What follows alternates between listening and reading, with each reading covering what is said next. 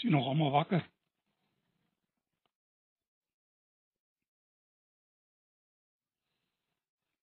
Jy hartlik groet. Ek, ek uh, vertrou en hoop en bid. Ek voel die swakste van almal. Ek voel die kleinste van almal. Maar die woord van die Here is altyd waar. Kragtig en skerper as enige tweesnydende swaard. Nou sit ek met 'n praktiese saak. Hier so rukkie terug toe breek my bril. Nou ek laat nie oor toets nie, so ek gaan sommer daar by Diskem in en dan soek ek eene wat pas. Nou hoop ek die bril werk op die afstand soos wat hy veronderstel is om te werk. My voorreg om saam met julle te wees. Bid dat die Here ons saam wees sal gebruik tot sy eer. Kom ons buig vir 'n paar oomblikke ons hoofde in gebed. Here, ons dank U dat ons U lof kan besing. Dat ons in gebed kon uitstrek na U en, en vir U vra vul ons steeds meer met U Heilige Gees. Want sonder U kan ons niks doen nie. Dankie vir U Gees wat hierdie woord van God geïnspireer het. vir hierdie God geademde woord. Ons bid dan nou dat deur die werking van u Gees hierdie woord ons sal aanraak soos u alleen dit kan doen. En dit bid ons en bid ek in diepe absolute afhanklikheid in Jesus naam. Amen.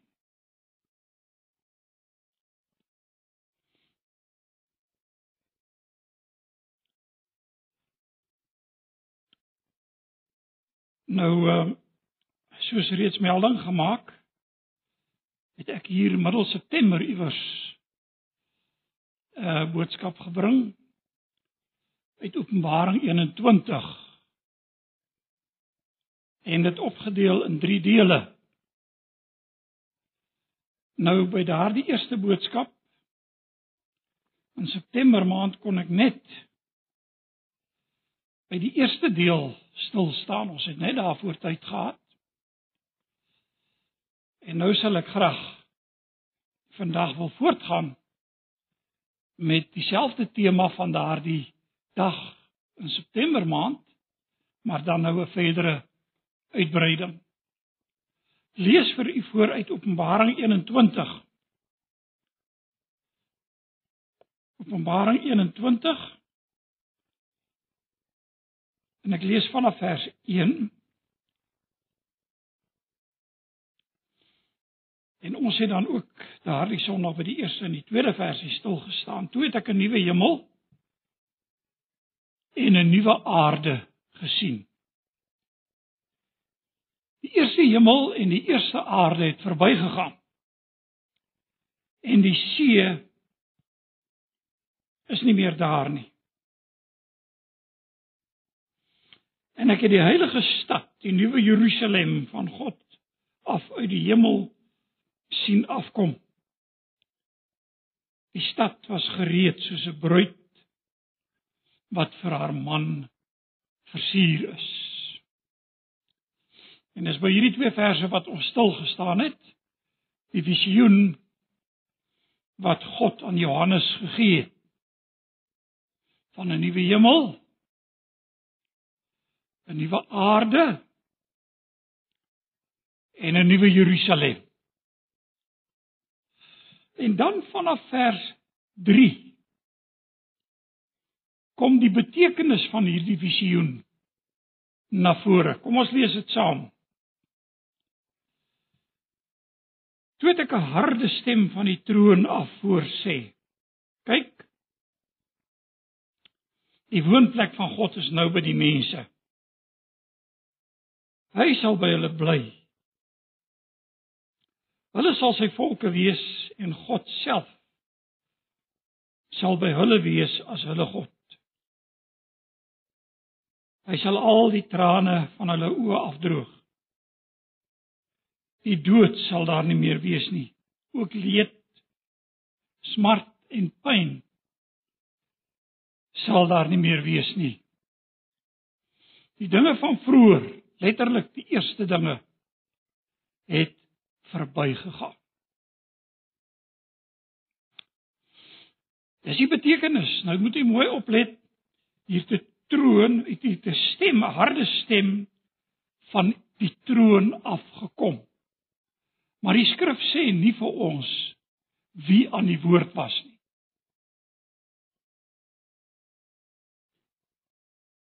Maar geïnspireer deur die Heilige Gees of dit 'n engel was en of dit God self was, die belangrike kom nou in die volgende deel van die goddelike uitspraak.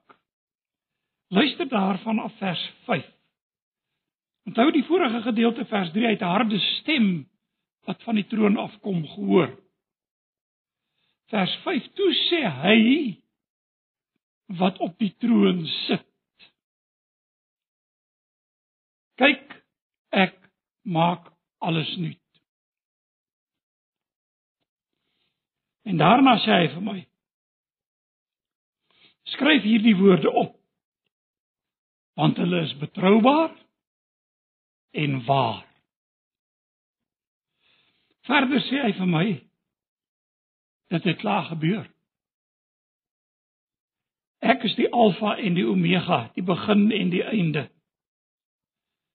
Aan elkeen wat dors het, sal ek te drinke gee uit die fontein met die water van die lewe verniet. Elkeen wat die oorwinning behaal sal dit alles kry. En ek sal sy God wees. En hy sal my seun wees. Maar die wat bang en ontrou geword het, die losbandiges, moordenaars, die on en onsedelikes, bedrieërs en afgodsdienaars en al die leenaars, hulle lot is die poel wat met vuur en swaal brand. Dit is die tweede dood. Nou dis die gedeelte wat ons saam lees. En ek het vir u gesê hierdie gedeelte waarby ons vandag stil staan fokus eerstens op die betekenis van die visioen. Die visioen Nou almal was nou nie hier nie, ek gaan nie herhaal nie, ek gaan net kortliks sê die visioen het gegaan oor 'n nuwe hemel en 'n nuwe aarde wat Johannes gesien het. En die see, het hy gesê, was daar nie meer nie. En toe het hy die nuwe Jerusalem wat soos 'n bruid vir haar man versier is, uit die hemel sien neerdal. So die fokus was op hierdie visioen. Nuwe hemel, nuwe aarde, nuwe Jerusalem. En as jy verder gaan in hierdie gedeelte, byvoorbeeld hier vanaf vers 9, waarby ons nou nie stil staan nie, daar het Johannes 'n beskrywing volledig van hierdie nuwe Jerusalem. Maar wanneer hy by die betekenis kom van hierdie nuwe Jerusalem, die nuwe hemel, die nuwe aarde, sê hy ek het 'n harde stem van die troon af hoor sê, En hier kom dit. Kyk. Die woonplek. Letterlik kan ons sê tabernakel of tent. Die woonplek van God is nou by die mense. Nou ons het gesien die nuwe Jerusalem, die nuwe stad Jerusalem wat uit die hemel wat uit die hemel sien neerdal is verwysend na die kerk na die gelowiges. Dis waaroor dit gaan. En nou kom hierdie gedeelte en hy sê die woonplek van God Sy tabernakel, sy tent is nou by die mense. So God is sigbaar teenwoordig. My broer en suster, ek wil graag iets hieroor sê. Want sigbare teenwoordigheid. Nou weet ek nie van julle nie. Maar in my lewe is dit nogal iets waarna ek smag. sien. Jy weet mos hoe ons as mense. Ons wil ons graag sien. Nou ons ken die spreekwoord wat sê sien is glo. Maar natuurlik is geloof nie dit wat jy sien wat die Bybel sê nie. Geloof is juis dit wat jy nie sien nie.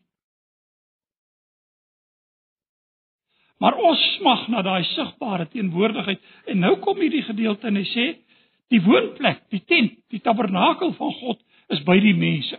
Nou weet jy as ons aan die tabernakel van God dink, kom kom ons gaan 'n bietjie terug Ou Testament toe. Die teenwoordigheid van God op die berg Sinaï met die wet. Die heilige teenwoordigheid van God het neergedaal. Niemand kon eens naby die berg kom nie. Die volk het gesê vir Moses: "Gaan jy op? Ons sal sterwe." En Moses tree in 'n middelaar sodanigheid op. En God praat met hom. En sy teenwoordigheid het daar toegesak op die berg. En Moses het 'n opdrag gekry om 'n tabernakel te maak. In die middel van die plek waar die volk gekamp het. En die teenwoordigheid van God het daar neergedaal sodat die mense kon weet God is daar, 'n simbool, 'n teken van die teenwoordigheid van God. Salomo bou die tempel. En die heerlikheid van God sak toe op die tempel. 'n Simbool, 'n teken van God se teenwoordigheid onder sy volk. En daar op die berg van verheerliking in die Nuwe Testament lees ons van drie van die disippels en Jesus bymekaar. En toe's Moses en Elia daar. En die stem het uit die hemel gekom. Dit is my geliefde seun en wie ek welbehaag het, luister na hom. En die teenwoordigheid van God het daardie groepie mense oordek. So kan ons gaan na die uitstorting van die Heilige Gees. En nou kom ons hier in Openbaring en ek en jy leef nog in hierdie wêreld. En nou ek moet vir julle hierdie getuienis gee baie jare terug. Nou by die seminarium. Ek in my eie gemoed 'n stryd beleef. En ek het so gesmag dat ek net iets kon beleef van die teenwoordigheid van die Here daar in die studeerkamer waar ek gesit het.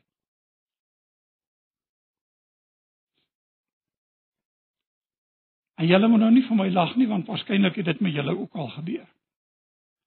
Maar ek het daar op die stoel gesit. En ek het so gewens ek kon op die stoel aan die oorkant al was dit net die kontoure van Jesus se liggaam sien. Nou, ek weet nie of julle al sulke dinge gedink of of so iets vir julle oorgekom het nie. Net 'n verlange. Net 'n verlange na sy teenwoordigheid. En ons kom en ons bely vanmôre sy teenwoordigheid hier in ons midde deur die Gees, deur sy woord. Ons glo dit. Maar ek het net nou vir u gesê geloof is juis dit wat ons nie sien nie. Jy onthou Thomas, die ongelowige Thomas, toe hy hoor van die opstanding van Jesus, toe sê hy: uh, uh, "As ek nie my vingers in sy wonde gedruk het en my hand in sy sy nie, sal ek nie glo nie, ek wil eers sien." Die dag toe Jesus voor hom staan, En hy sê kom Thomas. Toe val Thomas neer en hy sê my Here en my God. En die Bybel sê salig. Dit was die woorde van Jesus is die wat nie gesien het nie en tog geglo. Ons wandel dus deur geloof en die, die nie deur aanskoue nie. Ons aanvaar in geloof, ons bely in geloof God se teenwoordigheid hier nou in ons midde. En ek sal dit net moet motiveer soos wat ons aangaan met hierdie gedeelte. Maar sy woonplek, sy tent, sy tabernakel, hier sê hy, is by die mense. Die harde stem van die troon af hoor sê kyk die woonplek van God is nou by die mense en dan sê hy weer hy sal by hulle bly. Letterlik hy sal sy tent daar opslaan. Hy is daar sigbaar teenwoordig. U sien, dis hierdie nuwe dinge. Dis hierdie nuwe hemel, hierdie nuwe aarde, hierdie nuwe Jerusalem wanneer alles volmaak voor God sal wees.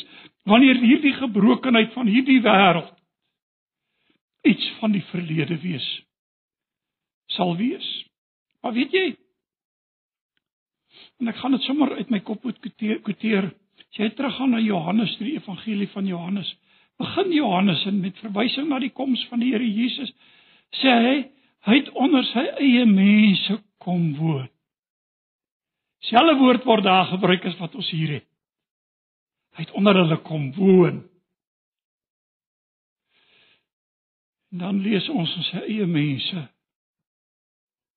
het hom nie aangeneem nie. Maar aan hulle wat hom aangeneem het, aan hulle het hy mag gegee om kinders van God te word, wat nie uit die vlees of uit die bloed of uit die wil van 'n man nie, maar uit God gebore is.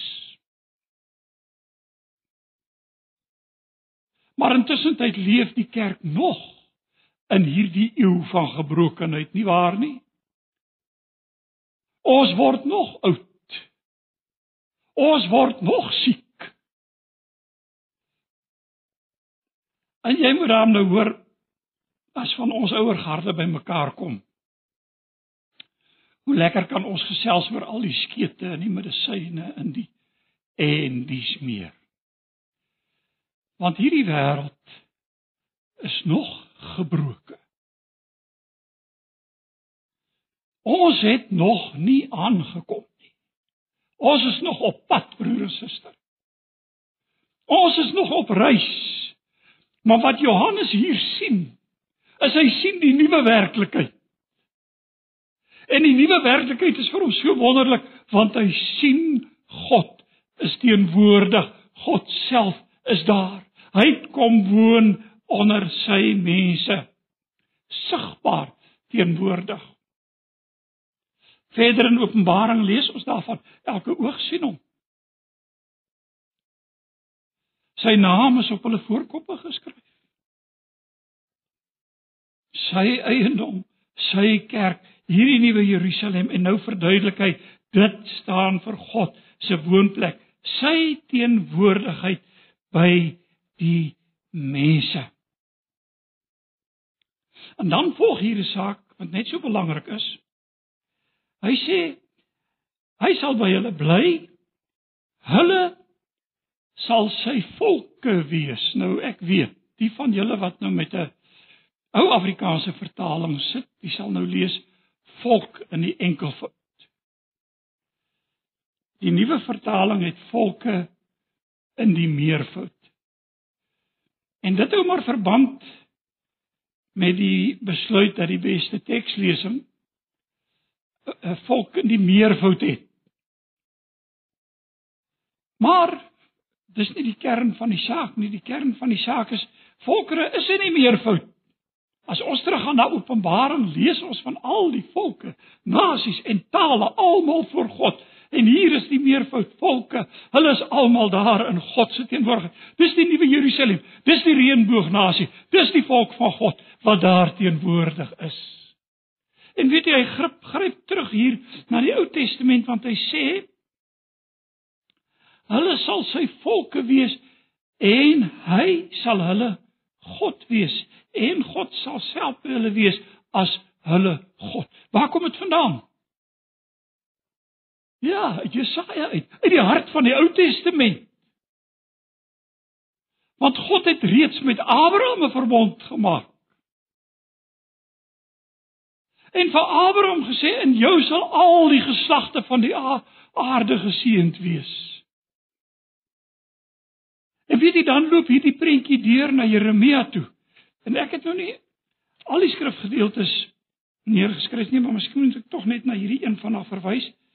Ehm uh, Jeremia waar ons lees, uh, ek gaan dit uit my kop uitkwoteer, ek gaan dit nie nou soek nie, waar Jeremia sê van die nuwe verbond wat ek met julle sal maak. Daar kom daar wat ek 'n nuwe verbond met julle sal maak.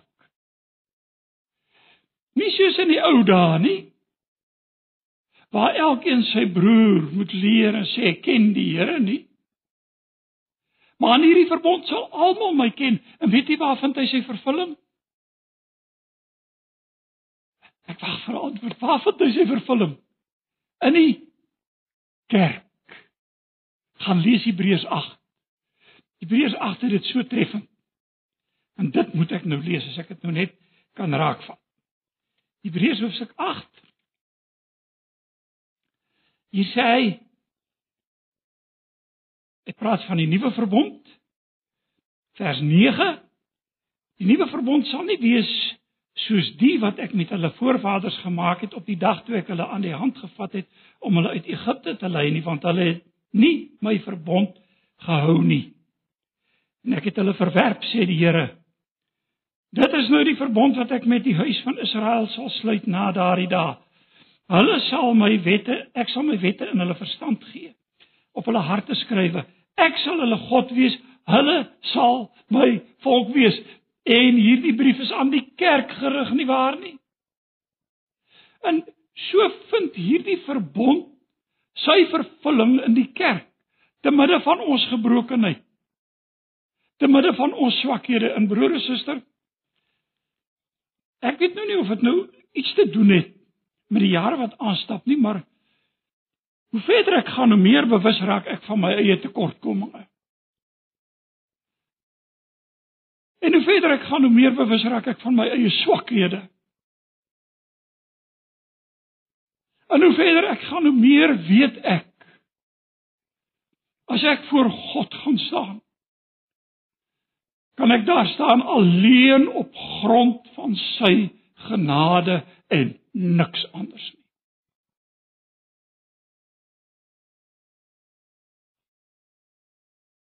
Ek het eendag gesê, en ek wil dit hier ook sê, ek het so die gevoel as ek die dag daar staan, gaan ek Here Jesus gryp en voor my indruk. Hy staan in my plek. Ek het geen ander hoop nie, ek weet nie van julle nie. Ek het geen ander hoop nie en nou sê Johannes in hierdie betekenis van die visioen wat hy gesien het aangaande hierdie nuwe nuwe Jerusalem. Ons behoort aan hom. Die ou dinge het nou verbygegaan. Alles het nuut geword. Ons sien hom van aangesig tot aangesig. Daardie verlange om die kontoure op die stoel te sien is iets van die verlede. Daardie dae van vertwyfeling en van swak wees en van mislukkings is iets van die verlede. Dis verby. Luister wat sê die teks. Hy gaan aan. Want hierdie stem van uit die troon kom en sê hy sal al die trane van hulle oë afdroog. Ag broer en suster, ons verwys mos maar baie keer na hierdie aarde as 'n ou trane dal nie waar nie. Gebruik die uitdrukking. Nou dit beteken nie dat daar nie ook mooi op hierdie aarde is nie. Dit beteken nie dat daar nie ook vreugde op hierdie aarde is nie. Maar weet jy? Pyn is daar. Lyding is daar. Leed. Smarte is daar. Die dood is 'n realiteit waarmee jy en ek hier op aarde leef. aan die ouer garde hier wat nou kinders het en kleinkinders sal baie goed verstaan wat ek sê. Weet jy, ek bid baie keer dat die Here my moet kom haal sodat ek nie by die graf van 'n kind of 'n kleinkind hoef te staan nie. Dat hulle my moet begrawe. Dis hulle werk. Hoekom ek is bang vir die smart? Is dit nie waar nie? Ek is bang vir die pyn, ek is bang vir die leed. En wie van ons hier almal het al voor 'n oop graf gestaan? Almal ken die pyn daarvan, almal ken die hartseer daarvan, almal ken die pyn van hierdie lewe, die leed van hierdie lewe, die hartseer van die lewe. Ten spyte van die mooi, ten spyte van die goeie, ek probeer nou nie negatief wees nie. Maar weet jy wat wil die Bybel vir ons sê in die betekenis van hierdie nuwe Jerusalem wat nou neergedaal het op die aarde en die teenwoordigheid van God? Hy vee self die trane van die oë af want die pyn en die leed en die smart en hierdie dinge is verby.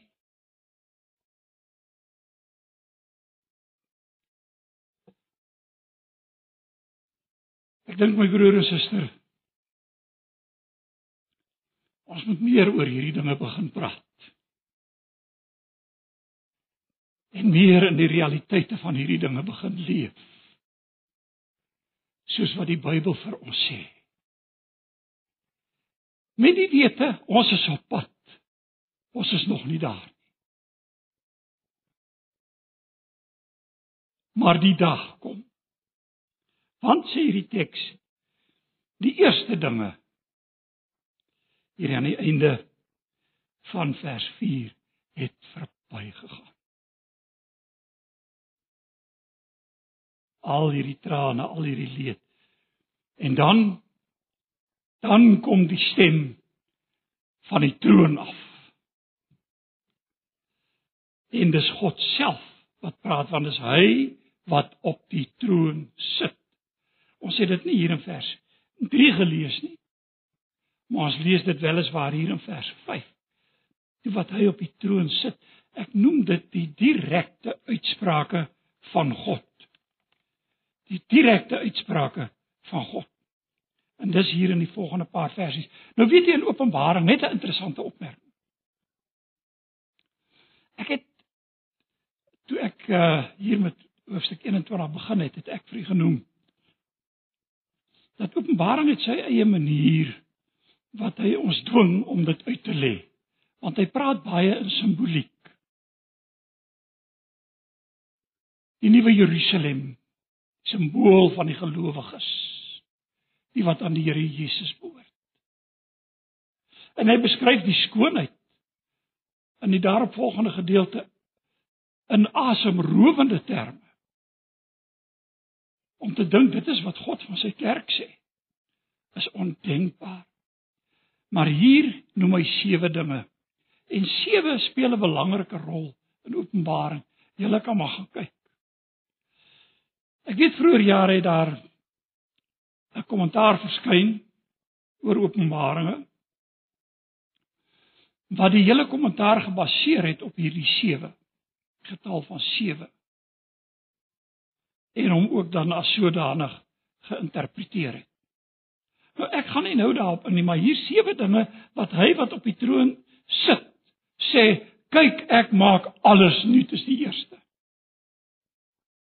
So te midde van dit wat ons nou belewe en te midde van al die hartseer nou wil hierdie skrifgedeelte jou en my dwing om vorentoe te kyk na God self wat aan die woord is nou wat kom en wat sê kyk ek maak alles nuut. En wat 'n vooruitsig. Want dit is die realiteit van die dinge wat in die vorige vers bespreek word. En weet jy, nou het ek al baie oor die dinge gedink en ek weet nie of julle ook partykeer in in so vertwyfeling verval het ek sê, "Sjoe, hierdie goed klink so wonderlik." Kan dit wees? Kan dit wees? En ek moet vir julle sê daai dag toe ek op die stoel gesit het en so verlang het na die teenwoordigheid van die Here Jesus sigbaar het ek op my knieë gegaan in die ou geloofsbelijdenis, die apostolikum opgesê. Ek glo. Ek glo. Ek glo. Ek het nodig gehad om dit te doen. En weet jy ek en jy het nodig om baie keer maar op ons knieë te gaan en te sê ek glo. En baie keer moet ek saam met die vader van die mansieke seun uitroep, ek glo Here kom my ongeloof te help. Maar hier kom nou iets wat vir my so opvallend is, want hy sê kyk ek maak alles nuut en daarna sê hy ek wil hê julle moet oplet. Skryf hierdie woorde op. Dis God wat praat. Want hulle is waar en betroubaar. God self wat sy woord aan Johannes bevestig. Nou kan ons by onsself dink. En ek dink nou maar gewoon net sekulêr daaroor. Ja, maar Johannes het nou swaar gekry en so aan en hy het nou maar hier is sy gedagtes se ding opgebou gehoop op iets beters. Broer en suster, hoekom was Johannes op Patmos? Terwille van sy geloof in die Here Jesus. Daaroor was hy gevange geneem. Daarvoor was hy verban na die eiland Patmos. En daar in die gevangenis het hy hierdie dinge gesien en weet jy wat? Die apostels van ouds en soveel Christene was gewillig om hulle lewe op te offer vir hierdie waarheid want God het gesê want God het gesê en as die Bybel sê hy maak alles nuut dan sien ek daar in 'n 'n vorm van diskontinuïteit en kontinuïteit want daar was 'n nuwe daar was 'n hemel en 'n aarde skep 'n nuwe hemel en 'n nuwe aarde So kontinuïteit en diskontinuïteit, maar God sê self hierdie woorde is waar. So ek kan dit aanvaar, ek kan vashou daaraan. My broer en suster, ek dink daaraan. Ag, ek het al baie gedink in my lewe. As ek nou vervolg moet word vir my geloof. Ek is seker jy dalk ook al daaraan gedink. Sal ek vas staan? En ek is so bang om 'n antwoord daarop te gee. Maar weet jy ek het hierdie troos. Johannes wat hierdie woorde van God af gehoor het, het daar vasgehou tot die einde. Hoeveel van die apostels het daar aan vasgehou? Hoeveel Christene het daar aan vasgehou tot die einde. Polycarpus, een van die vroeë Christen martelare, kom op die brandstapel te lande. Die hout word gepak en hy kry 'n kans om los te kom. Verwerp deur Jesus. En dit wat jy glo. En sy antwoord: Hoe kan ek hom wat ek vir 82 jaar gedien het nou verloor? Dis onmoontlik. En daarmee was sy lot verseël. En sterf hy op die brandstapel. En so kan ons voorbeelde noem van helde meer onlangs. Julle sal onthou Richard Wurmbrand. Hierdie prediker van Rusland nog in die ou kommunistiese era wat soveel jare in die tronk deurgebring het. Onthou julle van hom? Daar's 'n groot ophef gemaak en ek het baie gedink en hy was hier in Suid-Afrika, ek het hom gaan luister. En ek het baie gedink Wat sou ek doen in daardie situasie? En weet julle toe ontmoet ek ook 'n ander prediker. En hy het op my 'n geweldige indruk gemaak. So menslik. Ek weet nie of julle ooit van hom gehoor het nie. 'n Man met die naam van Harald Popov. Was my voorreg om hierdie man te ontmoet en na hom te luister. En hoe dat hy onder die druk van gevangenes en die bedreiging van sy familie uiteindelik ingegee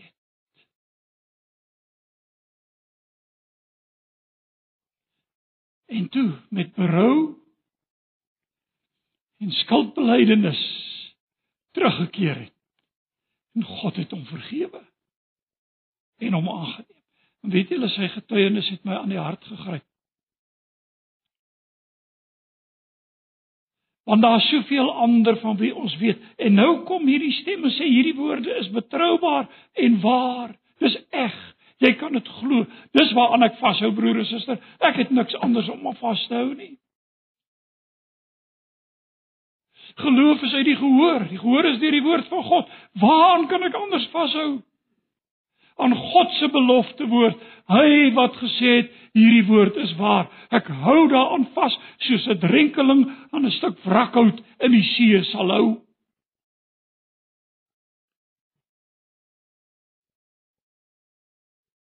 Want God is 'n waarmaker van sy woord. Skryf hierdie woorde op. En dan hierdie treffend nog uitspraak, is die derde een. Hy sê vir my, verder sê hy vir my, dit klaar gebeur. Nou moet julle onthou ek dink eers moet ek net sê, weet vir God is die verlede en die hede en die toekoms dieselfde. Hy handel in die hede, hy het ook in die verlede gehandel, hy handel ook in die toekoms. Maar God het tyd geskape. So hy's verhewe bo tyd. En nou sê hy hier vir Johannes, dit het klaar gebeur in in die in die Grieks en ek wil julle nou nie daarmee vermoei nie, maar dis in die perfektum. Nou die perfek vir perfektum, ek het dit altyd vir studente so verduidelik. En uh julle manne sal nou weet waarvan ek praat. En jong, ons gaan nou in die moeilikheid wees by die vrouens na wat ek nou gesê het. Maar ons moet maar die moeilikheid in die oë kyk, maar dit verduidelik presies waaroor dit gaan. Ek is getroud 22 Julie 1972. Daar agter die dokumente geteken. Huweliksertifikaat onderteken. En al die vorms en die goed. En met die handtekening wat daar plaasgevind het op daai dag 1972 daar in die kerkgebou die effek van dit wat daar gebeur het beleef ek nou nog. Jy weet as ek in die aande voor die opwasbak moet staan en skottel goed was. En uh Nelly gaan dit ontken. Die wasmasjien doen dit. maar jy hoor wat ek probeer sê. Ons manne kry mos baie opdragte. Dit wat daar gebeur het. Die effek daarvan beleef ek en ek is dankbaar daarvoor vandag En dis wat die perfektum beteken en nou kom hierdie gedeelte en hy sê dit het klaar gebeur. Johannes leef nog in 'n gebroke wêreld. Johannes is nog op Patmos. Johannes is nog in die gevangenis. Johannes skryf nog aan daardie gemeentes. Hy skryf hierdie brief, hierdie openbaring. Maar God sê vir hom, dit het klaar gebeur. Verstaan jy dit? So in 'n sekere sin, nou begin ek verstaan hoekom Paulus by geleentheid gesê het ons is saam met hom begrawe deur die doop en die dood en saam met hom opgewek in 'n nuwe lewe en dan kom hy en hy sê maak dan dood julle lede wat hier op die aarde is bedink die dinge wat daar bo is want ons lewe is in Christus verborge by God in die hemel reeds saam met Christus, maar ek loop tog met my twee voete op hierdie aarde. En dis wat Johannes hier sê. En al is dit vir my te groot om te verstaan, kom hy en hy sê dit het klaar gebeur.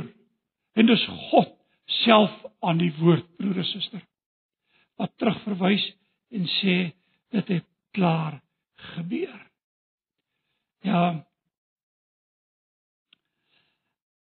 Ek gaan aan. Hy sê dan in die en dit is die is die vierde uitspraak. Ek is die alfa en die omega. Die begin en die einde. Nou ek het iets opgemerk vanoggend. Hier op die op die op die skerms was daar 'n uh, uh, antipas. Ek weet nie of dit 'n uh, uh, prentjie is wat wat die gemeente gebruik nie. Identiteit of iets van die aard. Maar daar staan ook twee letters op. Verwys na Antipas, my getroue getuie, daar's daar twee woorde op. Alfa en Omega. Die eerste letter van die Griekse alfabet en die laaste letter van die Griekse alfabet. En nou kom God en hy het dit in die begin van Openbaring gesê, kan jy daar ook lees. Ek is die alfa en die omega, die begin en die einde. En nou lees ons dit weer hier, want dit beteken God beheer alles. Hy beheer dit van begin af. Want hy is die alfa. Hy beheer dit tot die einde toe. Hy is die omega. Ons is in sy hand en dis wat hy vir Johannes wil sê. Johannes ongeag Patmos, Johannes ongeag verdrukking, ongeag die tronk Ek is die alfa en die omega. Nou weet jy dis ek dink is maklik om dit te sê as dinge goed gaan. Ek dink dit raak 'n uitdaging. Die dae wanneer ek swaar kry. En sê vir haar is God dan. En ek smag na sy hulp. Wie sê dit hier? Hy wat op die troon sit. Hy's aan die woord en sê ek is die alfa en die omega, die begin en die einde. En dan sê hy aan elkeen wat dors het. Dis die vyfde een. Sal ek te drinke gee uit die fontein met die water van die lewe vir Ag dit laat my onwillekeurig dink aan die Samaritaanse vrou. Ek ken mos almal daardie gedeelte in Johannes baie goed. Hoe dat Jesus daar by die put gesit het en daardie Samaritaanse vrou vir water gevra het. En sy toe nou met 'n ompad gekom het en vir hom gesê het: "Nou maar hoe kan jy wat 'n Jood is vir my wat 'n Samaritaanse vrou is vir water vra? Ons praat mos nie juis met mekaar nie." Julle Jode beskou julle mos daarom bietjie bietjie upstairs. En toe sê Jesus vir haar as jy geweet het wie dit is wat met jou praat. Sou jy vir hom water gevra het en hy sou vir jou lewende water gee en jy sou in ewigheid nooit weer dors kry nie. En luister wat sê hierdie teks vir ons. Ek sal vir hom gee fontein met die water van die lewe verniet. Jy sien dis God se genade. Daar's niks van my nie. Dis nie my bydrae nie. Dis nie my wonderlike lewe nie. Natuurlik moet ek reg leef voor God. Maar dis nie wat ek vermag het nie. Dis God wat daai lewende water gee en hy gee dit verniet. Hoe dankbaar is ek daarvoor. Hy gee dit verniet. En dan sê hy en hier is 'n ander saak wat my nogal partykeer 'n bietjie ontstem. Dis die 6de een.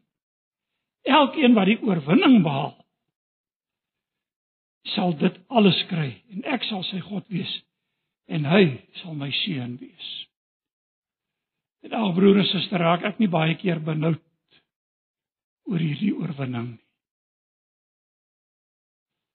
Sal ek ooit die oorwinning behaal? En dan dink ek aan wat Paulus gesê het. In Christus is ons meer as oorwinnaars. So die oorwinning lê in die eerste plek nie in my eie krag of in my eie bekwaamheid nie, maar in hom wat die oorwinning behaal het.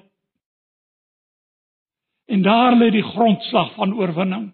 En dan sê hy wie oorwin, ja, ek sal vir hom 'n God wees. Hy sal vir my 'n seun wees. Is dit nie heerlik om daaraan te dink nie?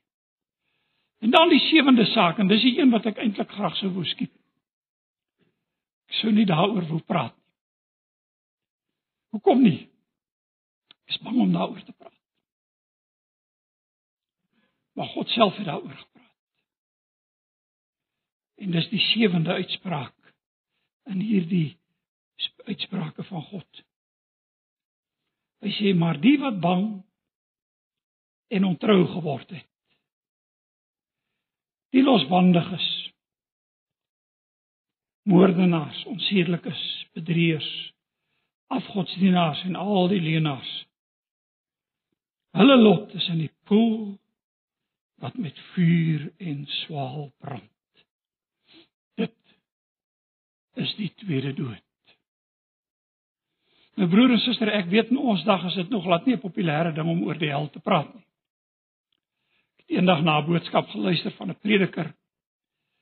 Uh ek kan nou nie sy van onthou nie, hy is 'n klompie jare terug oorlede. Hoe agting vir hom gehad. En hy het gepreek en toe kom hy ook by hierdie kwessie van die hel uit. Toe sê hy dat ek nou maar vir julle verduidelik, you spell it H E L L.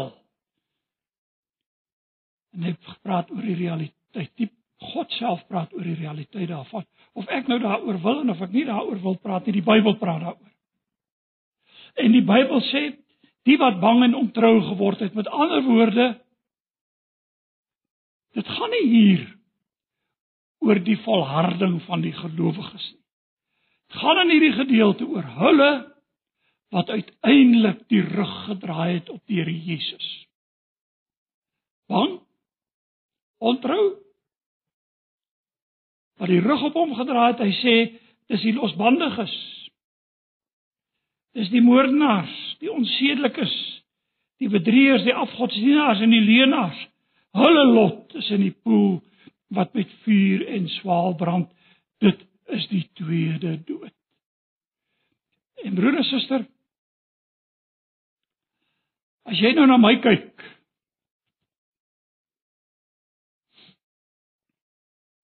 as mens. Ek is 'n kandidaat hiervoor. As dit nie vir God se genade in Christus Jesus was nie. En dit dink ek sal almal van ons moet sê. Maar ek mag nie van hierdie onderwerp wegskram nie. Want die Bybel praat daaroor. En die Bybel verwys hier in die woorde van God self, die poel wat met vuur en swaal brand. Hy praat van die tweede dood, ewig van die aangesig van God af verwyder.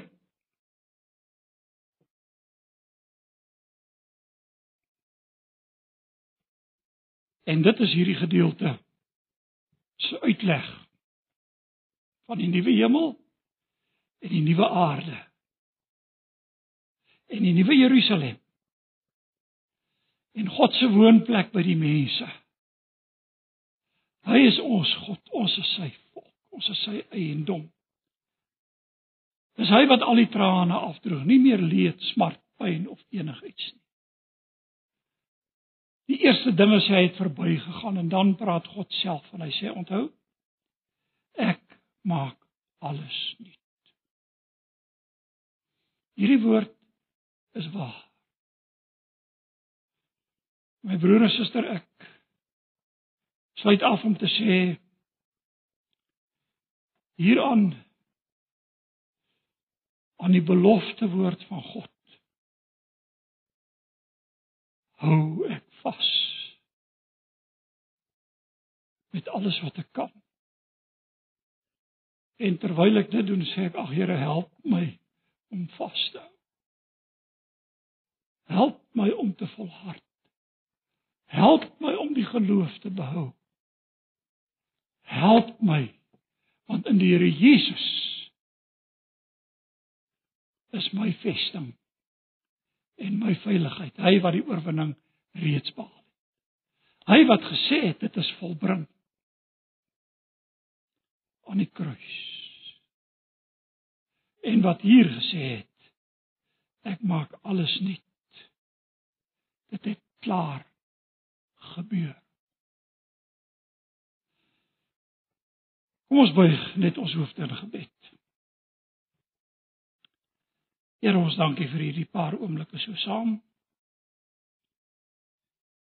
Help vir ons om u woord in ons hart te bære. Soos wat die psalmis gesê het dat ons teen u nie sal sondig nie.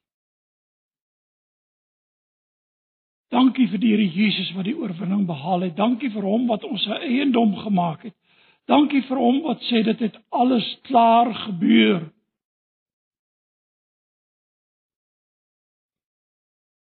Help vir ons om met verwagting op te kyk. In Jesus naam. Amen. Ek betuig aan almal wat die woorde van hierdie profetiese boek hoor. As iemand iets hieraan byvoeg, sal God vir hom die plaae byvoeg waarvan in hierdie boek geskrywe is. En as iemand een van die woorde van hierdie profetiese boek wegneem, sal God sy deel aan die boom van die lewe en aan die heilige stad wegneem waarvan in hierdie boek geskrywe is. Hy wat dit alles getuig sê, ja, ek kom gou. Amen.